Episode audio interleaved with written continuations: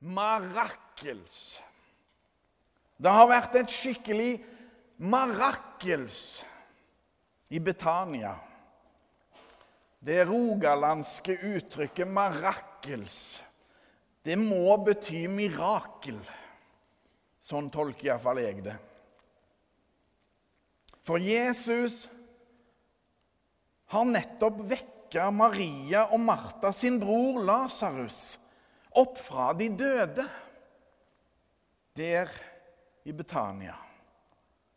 Etter fire dager i grava kalte Jesus Lasarus ut til livet igjen.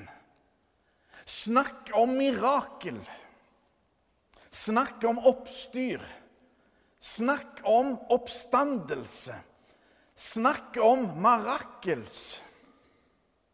Så kommer dagens prekentekst. La oss høre Herrens ord. Gud være lovet. Halleluja, halleluja, halleluja.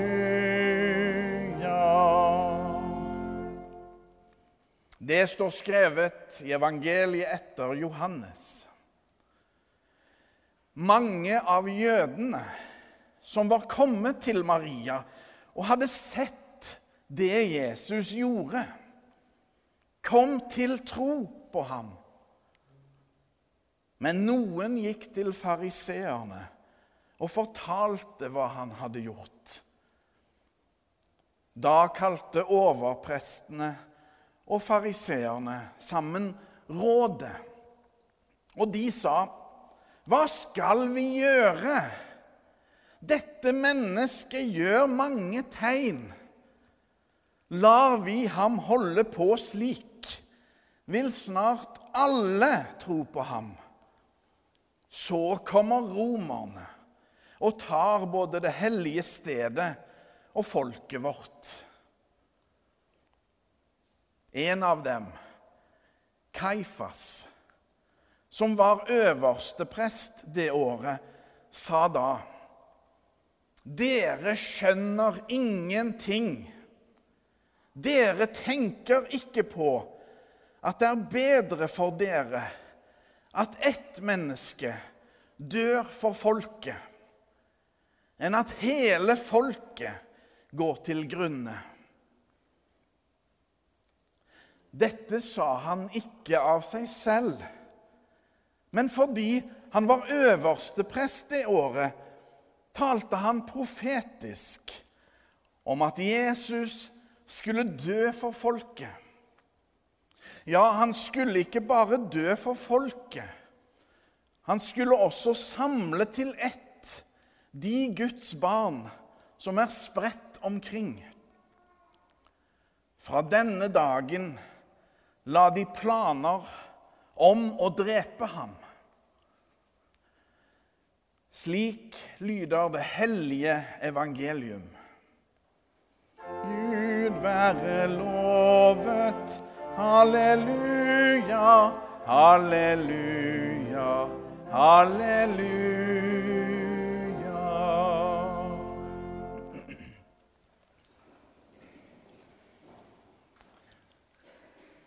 Dette sa han ikke av seg selv. Min gode venn og tidligere kollega her i Lurakirka, Jan Stokke, og jeg har mer enn én gang kost oss over akkurat den setningen. Dette sa han ikke av seg selv. For det er en setning som kan brukes i mange sammenhenger. For ufrivillige profetier kan forekomme. Akkurat slik som det skjedde for øverstepresten Kaifas. Dette sa han ikke av seg selv. Det er som om redaktøren eller forfatteren av Johannesevangeliet må kommentere det som skjer. Simpelthen sette det hele inn i en større sammenheng. For å understreke at det som nå sies, må sies. Fordi det faktisk er sannheten. Mange av de som kommer og forteller om det som hendte i Betania, like ut forbi Jerusalem, kjenner sikkert de tre søsknene som bor der fra før. De kjenner de fra før. De har med egne øyne sett at Lasarus sovna inn i døden. De har sjøl tatt del i sorgen over han.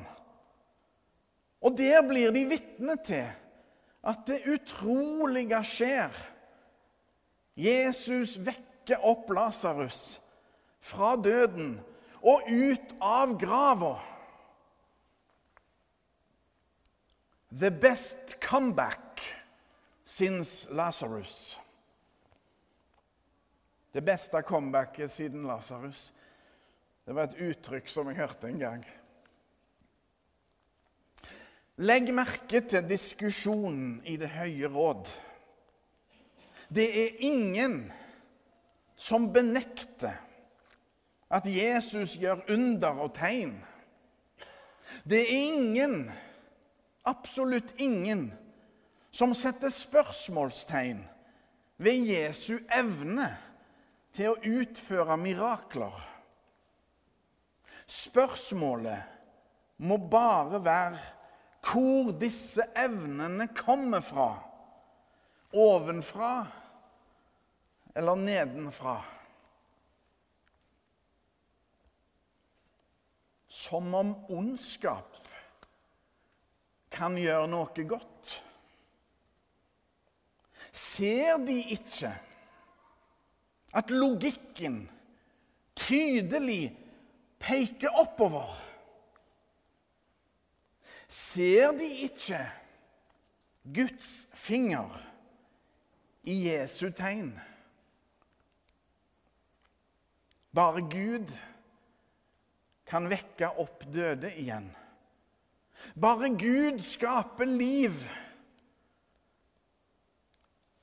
Bare Gud skaper liv igjen der livet var tapt. Dette mennesket gjør mange tegn, sier de. Og noen av de har sjøl vært vitne til disse tegnene.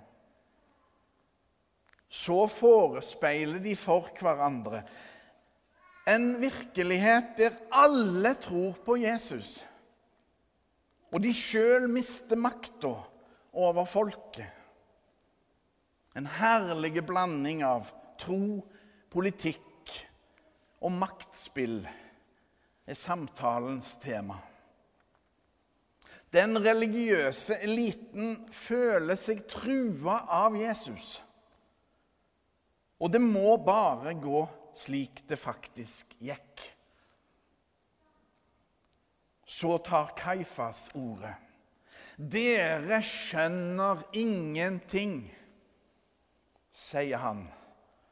Og uten å være klar over det sjøl taler Kaifas profetisk om hva som faktisk skal skje. Han mener seg å ha et overblikk som de andre i rådet ikke har. Gjennom det han sier, blir det tydelig at det som skal skje, faktisk er styrt fra oven. Uten at Kaifas forstår rekkevidden og betydningen av det som skal skje. De ønsker å rydde Jesus av veien men gjennom å ta livet av Jesus vil Guds triumf over dødskreftene faktisk skje. På forunderlig vis. På guddommelig vis. Nederlaget har en seier i seg som Kaifas og de andre ikke kan forstå. De redskaper for Guds vilje uten å være klar over det sjøl. Fra denne dagen la de planer om å drepe ham.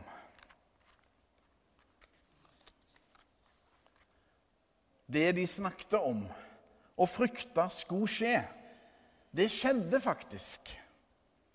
Da jødefolket i år 66 gjorde oppstand mot den romerske okkupasjonsmakta, slo denne fryktelig tilbake oss. Og under Titus ble i år 70 tempelet i Jerusalem ødelagt av romerne. Jevna med jorda. Kun én av tempelmurene står igjen, den som i dag er kjent som klagemuren. Og troen på Jesus har spredd seg over hele verden. Korset er blitt et seiersmerke fordi Jesus snudde nederlaget om til seier. Dette sa han ikke av seg selv.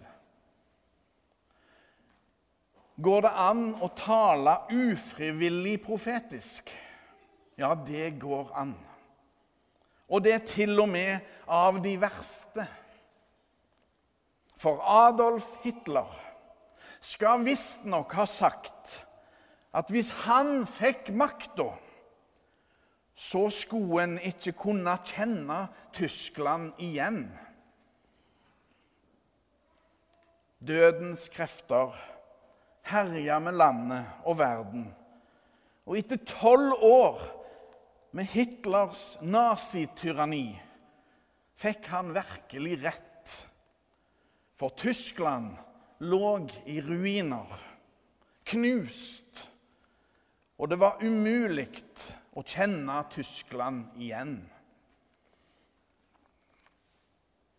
Det meste av det, meste av det Gamle testamentet er med på å peke fram mot Jesus.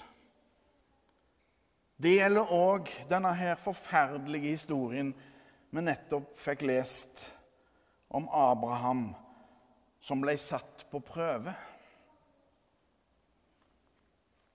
Det meste av Det gamle testamentet er med på å peke fram mot Jesus. Påskedramaet skjer fordi Gud ønsker at det skal skje. Jesus må bli løfta opp, bokstavelig talt.